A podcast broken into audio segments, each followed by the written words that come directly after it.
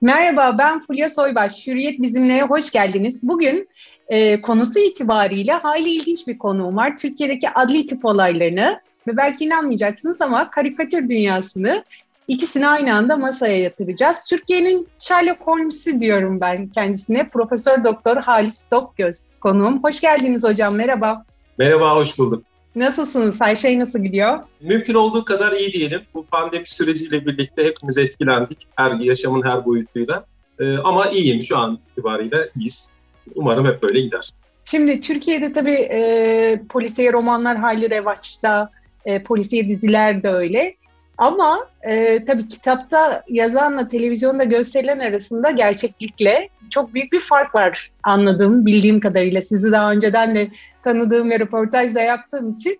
Şimdi Türkiye'deki adli tıp konusunu sizinle beraber masaya yatırmak istiyorum ama öncesinde şunu sormak istiyorum. Siz de söylediniz, bir yıldır tabii az çok hepimiz pandemiyle uğraşıyoruz. Bu pandemik dönemde e, hep yazıldı çizildi. Kadına şiddet vakaları, cinsel istismar vakaları arttı diye. E, bu dönemde gerçekten böyle bir artış oldu mu? Sizin gözleminiz nedir? Bunu sorarak başlamak istiyorum. Evet gerçekten pandemi süreciyle birlikte ben hani insanların kapanması, biraz kendilerini sorgulaması hem bilim insanlarının hem e, işte sokakta yaşayan insanlarımızın her ne demekse e, hepimizin kendimizi sorguladığımız ve doğayla daha barışık bir hayat yaşayacağımızı açıkçası düşünüyordum. Biraz ütopik yaklaşıyordum. Hı. Ancak e, altını çizdiğiniz nokta gibi adli tıp uygulamalarında biz aile içi şiddet vakalarında bir artış hatta patlama gördük diyebilirim. Hem cinsel istismar olgularında hem travma olgularında, şiddet olgularında gerçekten bir artış var. Bununla ilgili sürecin şu anda örneğin e, Mersin Üniversitesi'nde çalışıyorum ben ve adli tıp ana bilim dalına gelen olguları değerlendiriyoruz. E, bunların istatistiksel, verisel analizlerini yapıp literatür eşliğinde tartışacağız. Yani gerçekten bir artış var ve bu artışla birlikte ben yeni hastalıkların, yeni sendromların da ortaya çıkacağını düşünüyorum. Pandemiyle ilişkili özellikle psikiyatrinin e, alanına giren hmm. alanlarla ilgili yeni hastalıklarla da tanışacağımızı düşünüyorum açıkçası.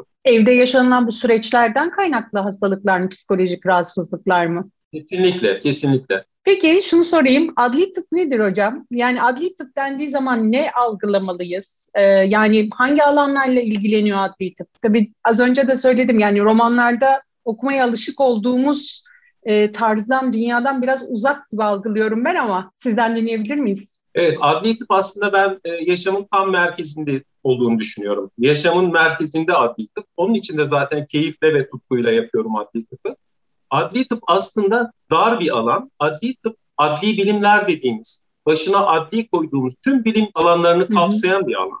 Bu adli bilimler, fen bilimleri var, sağlık bilimleri var, sosyal bilimler, örneğin hukuk, psikoloji, e, genetik, DNA incelemeleri, e, adli eczacılık, adli hemşirelik yani başına adli koyduğumuz tüm alanları kapsıyor. Kriminoloji, kriminalistik, ve bunların e, adaletin, hukukun, realitenin, gerçekliğin, hakikatin ortaya konulmasında adalete ve hukuk sistemine e, yardımcı olan bir alan adli bilimler. Adli tıp da adli bilimlerin bir alanı. Ancak toplumda e, adli tıp eşittir otopsi gibi bir algı var. Öyle değil. Otopsi adli tıpın belki yüzde biri bile değil. Olay yeri incelemeden tutalım, çocuk istismarları, cinsel şiddet, e, cinsel istismar olgularının değerlendirilmesi, mobbing, e, belge incelemeleri, imza sahtekarlıkları, işte ne bileyim çek, senet davaları gibi etik ilkeler yani çok geniş bir alan adli tıp. Adli antropoloji var, yani adli genetik var, DNA incelemeler örneğin. Gerçekten çok geniş kapsamlı bir alan ve bu alanlarda da yeniliklere ve yeni jenerasyonun bu alanlara daha çok girmesine ihtiyaç var ki giriyor da zaten son dönem oldukça da popüler olmaya başladı. Öyle mi? Ee, daha fazla evet, öğrenci evet. geliyor, daha fazla ilgi var. O zaman bunda şeye gündemde bu kadar sık olmasının da payı var mı? Çünkü özellikle son yıllarda görülen davalardan şöyle bir bakıyoruz. E, sır ölümlere, kadın cinayetlerine. Hepsinde sizin bir izniniz var adli tıpçıların. Sizin sayesinde çöz. Aslında şöyle revize edeyim ben soruyu. Ankara'da bu üniversite öğrencisi Şule Çetin 20. kattan atılması olayı hepimiz maalesef ki hatırlayacağız. Ee, siz aslında o durumu, o olayı, o cinayeti aydınlatan iki kişiden birisiniz. Profesör Doktor Hakan Kardı yanılmıyorsam öteki arkadaşınız. Orada verdiğiniz rapor çok önemliydi. Birdenbire davanın seyrini değiştirdi. Şu ortaya çıktı aslında Şule Çet e, balkondan atılmadan önce e, boğazında bir iz vardı. Boğularak öldürüldüğüne dair bir tespit var. Bir de e, parmakların tırnak içerisinde farklı erkeklere ait DNA'lar bulundu gibi gibi hatırlayabildiğim kadar, not alabildiğim kadar böyle. İşte tüm bu detaylar çok önemli. E, davanın gidişatını, seyrini değiştirebilecek detaylar bunlar. Peki nasıl oluyor da e, bu kadar yani ince çalışılması gereken bir alanda yani hemen böyle üstünü kapatmak için demeyeyim ama hani çabucak adelecele mi davranılıyor da bazı olaylar çözülemiyor. E, ya da e, hayır aslında biz çok titiziz, yeterli ekipmanımız, yeterli e, insan e, kapasitemiz var ve bu konuda da iyiyiz mi demek daha doğru olur. E, hangi taraf daha ağır basıyor? Evet aslında bu Şule Çet davası e, benim açımdan da kişisel olarak da adli tıp alanında da bazı şeylerin değişimlerin önünü açtı. Bunu şöyle söyleyebilirim. 2005 yılında Türk Ceza Yasası değişti. Bu değişen yasayla birlikte mahkemeler, hakimler, savcılar kendi bilirkişilerini atamaları yanında hukukçular, avukatlar, e, taraflar da kendi bilirkişilerini belirleme hakları doğdu. Yani bu bizim filmlerde vesaire izlediğimiz gibi bilirkişiler mahkeme huzuruna geliyor ve orada bir hı hı. E, tartışma oluyor, çatışma oluyor. Yani e, taraf bilirkişileri gerçekliği, hakikati ortaya, bilimsel gerçekliği ortaya çıkartmak için görüşlerini mahkeme huzurunda paylaşıyorlar. Bu çok önemli bir adım. Biz de taraf bilirkişisi olarak Şöleçet avukatları tarafından görevlendirildik Hakan Hoca ile birlikte. Ve bizim yaptığımız iş burada, e, buraya yönelmenizi sağlayan şey şu oldu aslında. E, karşı tarafın bilirkişisinin e, yazdığı rapor medyaya yansıdıktan sonra Bizim de artık sorumluluklarımız var. Bu sorumlulukları ortaya koymamız gerekir e, yaklaşım içerisine girdi. Örneğin o raporda e, yer alan bazı durumlar vardı. İşte kadın eğer gece sokağa çıkarsa tecavüze uğrar. Alkol alınan ortama girerse, erkeklerin olduğu ortama girerse tecavüz uğrar gibi tamamen objektiflikten uzak, kişisel yargıya dayanan yaklaşımları referans göstererek bir hazırlanmış bir rapor vardı. Ve bu referanslar da maalesef bizim klasik adli tıp kitaplarında da yer alıyor. Orada oradan referans gösteriyor. Aslında adli tıp kurumunun e, yaptığı otopsiler ve laboratuvar incelemelerini yorumladık. Çok güzel değerlendirmeler yapılmış, analizler yapılmış. Fakat bunlar yorumlanmadığı zaman ortada kalıyor. Örneğin sizin vurguladığınız nokta. Boğularak mı öldürüldü? Yani yoksa düştüğü zaman da boyunda kırık olabilir mi? Bunun ayrımı önemli. Literatürü taradığımız zaman, dünyadaki başka çalışmalara baktığımız zaman %90-95 boyundaki kırıkların basıya bağlı. Yani o doğmayla ya da asılmayla olduğunu gördük. %3-5 ise düşmelerde de bu kırıklar oluşabiliyor ama oranları çok düşük. Biz bunları yorumladık. Tırnak altında bahsettiğiniz biyolojik materyaller. Tırnaklar kesilmiş, altlarında biyolojik materyal bulunmuş. Ve bunlar da bir erkeğe ait, birden fazla erkeğe ait DNA profilleri var. Şimdi burada yorumlamak gerekiyor. Şimdi tokalaşmayla avuç içerisinde eğer bir biyolojik materyal bulursa bu tokalaşmayla olur. Ama cinsel istismar, cinsel saldırı olgularında, mücadele sırasında tırnak altlarında bulduğumuz biyolojik materyaller cinsel saldırının en önemli bulgusudur. Biz bunları yorumladık. Yani var olan şeyleri anlaşılmasını sağladık. Bu anlaşılma da yargıya da yansıdı. Böylece davanın seyri değişti ve buradan hem bir kitap ortaya çıktı hem de davada nesnel gerçekliğe, bilimsel gerçekliğe e, geçiş sağlandı diyebiliriz. Aklıma geldi gene sizinle Hürriyet Teki köşe için Türkiye bunu konuşuyor köşesi için röportaj yaparken e, bu Ozan Güven davasında da Deniz Bulutsuz'u darp ettiği iddiasıyla açılan bu davada da Deniz Bulutsuz'un gözündeki o morlukların nasıl oluşabileceğine dair bazı yorumlarda bulunmuştuk, konuşmuştuk üzerine. Yani aslında bir kadının kendi kendine vuramayacağı, işte kendisini savunurken bazı darp izlerine maruz kalabileceği gibi gibi detaylardan bahsetmişiz. Tüm bunlar davanın seyrini değiştiriyor. O zaman e, şöyle bizim sizin gibi çok iyi ince eleyip sık dokuyacak çok fazla adli tıp uzmanına ihtiyacımız var. Daha doğrusu Türkiye'de böyle bir kapasite var mı? Türkiye'deki adli tıp hangi boyutta? Evet, Türkiye'de aslında adli tıp dünyadaki gelişmişlik durumundan geride değil. Bunu söyleyebiliriz. Hem bilimsel anlamda hem de yapısal anlamda. Hem üniversiteler var, adli tıp kurumu var, adli tıp enstitüleri var. Problem şu, ortaya çıkan delillerin, bulguların yorumlanması gerekiyor ve bunların doğru yorumlanması gerekiyor. Öncesinde örneğin ben kişisel olarak e, medyada hı bu tür olguların yorumlanması doğru ve sağlıklı bulmuyordum. Ancak dediğim gibi özellikle bu Şuleçet davasında ortaya çıkan rapordan sonra eğer bizler konuşmazsak, gerçeği, bilimsel gerçekliği ortaya koymazsak, tartışmazsak o zaman buradan daha bilimsel olmayan medyatik tırnak içerisinde e, kendini gösteren kişiler daha çok e, yer kaplıyor ve toplumu da yanlış yönlendirebiliyor. Tabii hukuku da yanlış yönlendirebiliyor. O nedenle bizim böyle bir sorumluluğumuz da var diye düşünüyorum. Ee, özellikle bilimsel gerçeklikleri toplumun anlayacağı dille paylaşmamız da gerekiyor özellikle bazı davalarda ve bazı platformlarda. Daha geçtiğimiz günlerde Pınar Gültekin davası vardı Muğla'da. Muğla'da. Ee, üniversite öğrencisi yakılarak öldürülmüştü sevgilisi tarafından. Şimdi o dava da hala devam etmekte. O dava üzerine bir yorumunuzu rica edebilir miyim eğer inceleme şansınız olduysa? Çünkü adli tabii tıp üst kurulundan bir rapor bekleniyor. O hala gelmedi. O rapor e, nasıl bir rapor olacak? Neye göre davayı aydınlatması söz konusu olabilir? Şimdi burada aslında davanın içeriği ne toplum kabaca hakim olaya. Burada herhalde özellikle tarafların ağır tahrik indiriminden yararlanma süreci olduğunu düşünüyorum ben. Adli tıptan gelecek raporda özellikle bu Gültekin davasında kişinin yakılarak mı öldürüldü, canlı mı yakıldı yoksa öldürüldükten sonra mı yakıldı? Bu çok önemli bir ayrım. Çünkü yapılan eylemin e, ağırlığını da ortaya koyar. Vahşiliği evet. Vahşiliğini ortaya koyar. Cezayı da arttırıcı bir unsurdu bir taraftan. Burada tabii ki hukuksal durum devreye giriyor. Bir, bir yandan da Türk Ceza Kanunu 62. maddesi var. İşte indirim durumları, ağır tahrik mi var vesaire gibi. O nedenle Adli Tıp Kurumu İhtisas Kurulu'ndan gelecek raporun kişinin ölüm nedeni, ölüm zamanı ve yanarak mı öldü yoksa öldürülüp mü yakıldı gibi teknik ayrıntıları ortaya koyacak madde kullanımı var mı, toksikolojik bir durum tablo var mı, toksik bir tablo var mı gibi bunların mutlaka net bir şekilde ortaya konulması gerekiyor.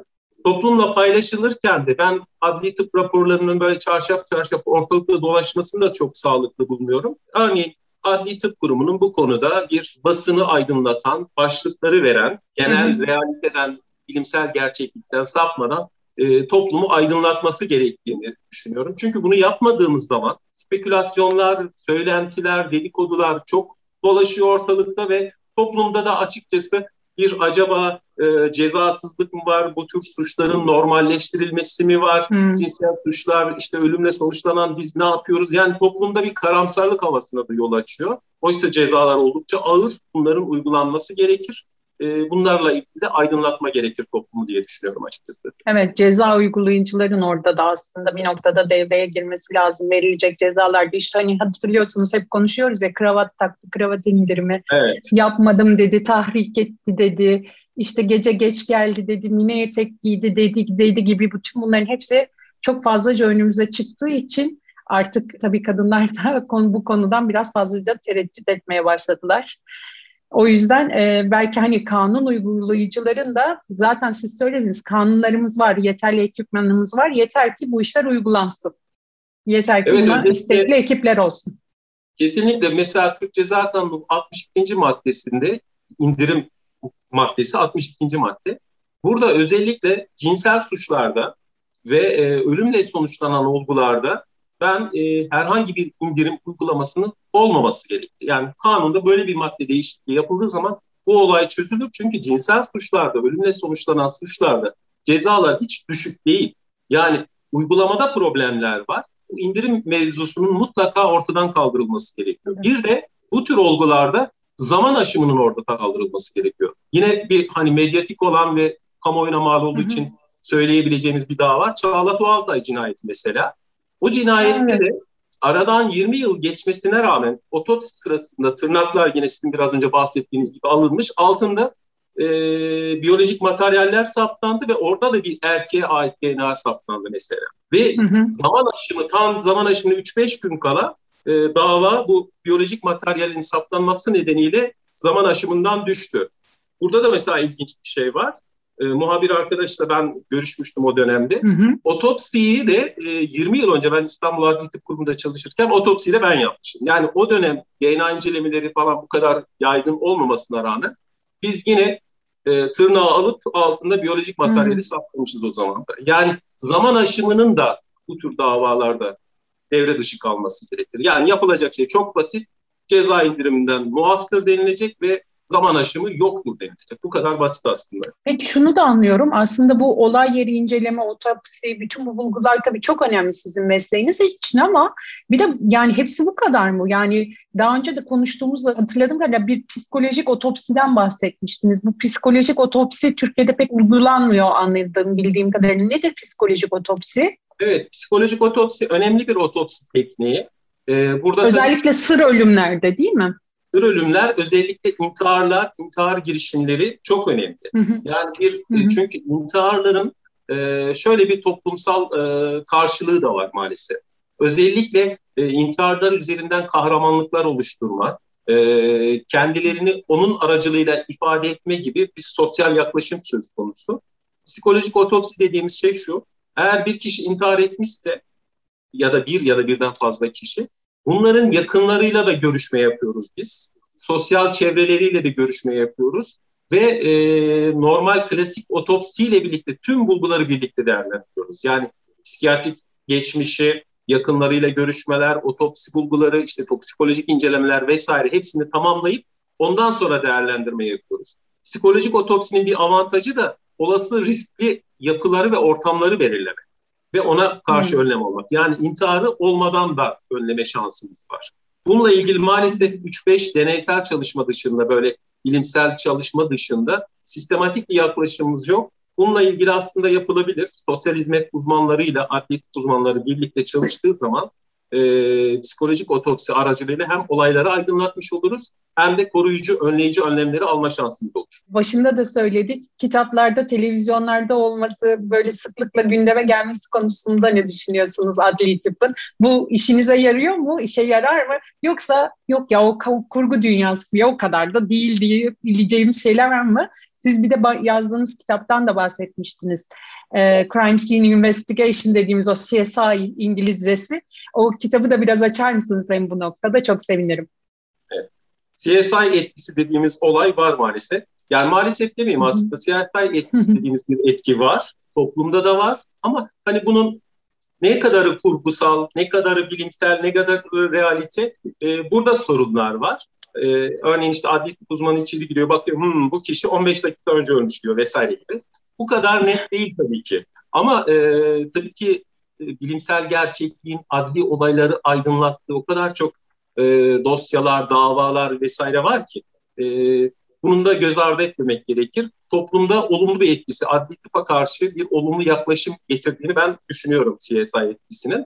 Bu bahsettiğimiz kitap da zaten onun bir parçası olarak ortaya çıktı. Evet. Önce bahsettiğim Adli Tıp, Adli Bilimler kitabını 2019 yılında çıkarttı. Teorik bilgiler, işte Türkiye'nin uluslararası literatürle uyumlu kitabı çıktı. Yani yaklaşık bin sayfa ve 52 akademisyen yazdı. İki yıl büyük süreçte çıktı.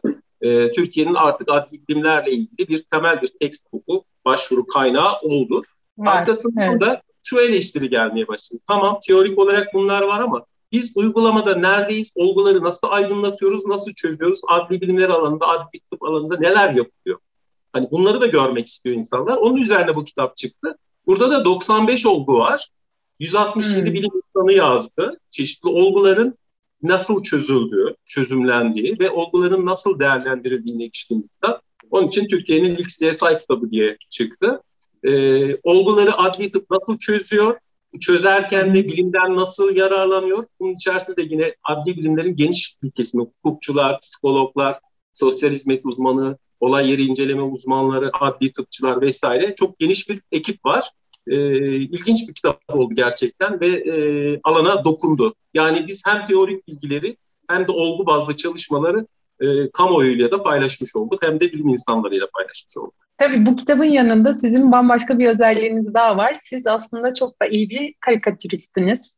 Bu karikatüre olan ilgi nereden geliyor? Adli tıpla nasıl bağdaştırıyorsunuz? İkisini bir arada götürmek yani zor değil mi? Karikatür ve adli tıp ikisini hiç beraber kullandığınız oluyor mu? Ya o karikatüre yaklaşımınız nedir? Bir de onu öğreneyim sizden. Çünkü yenice bir sergi açtınız. Az sonra onu da soracağım. Oradan aklıma geldi. Evet. E, karikatür benim üniversite yıllarında bir uğraşım. tesadüfen başlamıştım karikatür çizmeye. Tıp fakültesinin e, Kılçık isimli bir mizah dergisi vardı. 14 hı hı. Mart tıp bayramlarında çıkıyordu. Oraya karikatür çizmem istendi. E, çekinerek başladım. Ama sonra arkasından o karikatürleri zamanın ünlü dergileri Gırgır dergisi, Oğuz Aral, Semih Balcıoğlu gibi üstadlara gönderdiğinde, onların dergilerinde de yayınlanmaya başlayınca karikatür benim için bir tutku olmaya başladı. Arkasından da e, Karikatürcüler Derneği'ne üye olmamla beraber grafik mizah dediğimiz yazısız, e, daha çok görsellik ve grafik e, sanatsal, estetik yapıları barındıran alana yöneldim. Yarışmalar, sergiler vesaire. Ve onunla ilgili karikatürleri üretmeye başladım. O nedenle karikatürle adli tıp hem birbirini beslediler hem de ayrılmaz bir tutkuyla ikisini de sürdürdüm. Yani ben karikatürü hep soruyorlar işte hobi amaçlı mı yapıyorsunuz? Hani adli tıp zor bir alan, rahatlamak için mi istiyorsunuz? Öyle düşünmüyorum. Ben karikatürü e, toplumsal sorumluluğumun bir parçası olarak görüyorum ve e, sürekli çiziyorum. 2016-18 yılları arasında yine Hürriyet Gazetesi'nin evet. Çukurova içinde Metafor diye bir köşem vardı. Ee, yaklaşık 3 yıl günlük karikatür çizdim ben oraya. Her öğle arası e, evet. odamda oturup Hürriyet'in ertesi günkü karikatürünü çiziyordum. Ee, yani sorumluluk sahibi olduğumu düşünüyorum. Karikatür de benim için aynen adli tıp gibi tutkulu bir uğraş. Şu an İstanbul'da halen devam etmekte olan bir serginiz var değil mi? Ne zamana kadar açık kalacak? Evet 6 Nisan'da açtık sergi. Aslında o serginin hikayesi de ilginç. Hürriyet'te yayınlanan karikatürlerimden bir metafor diye bir kitap oluşturdum.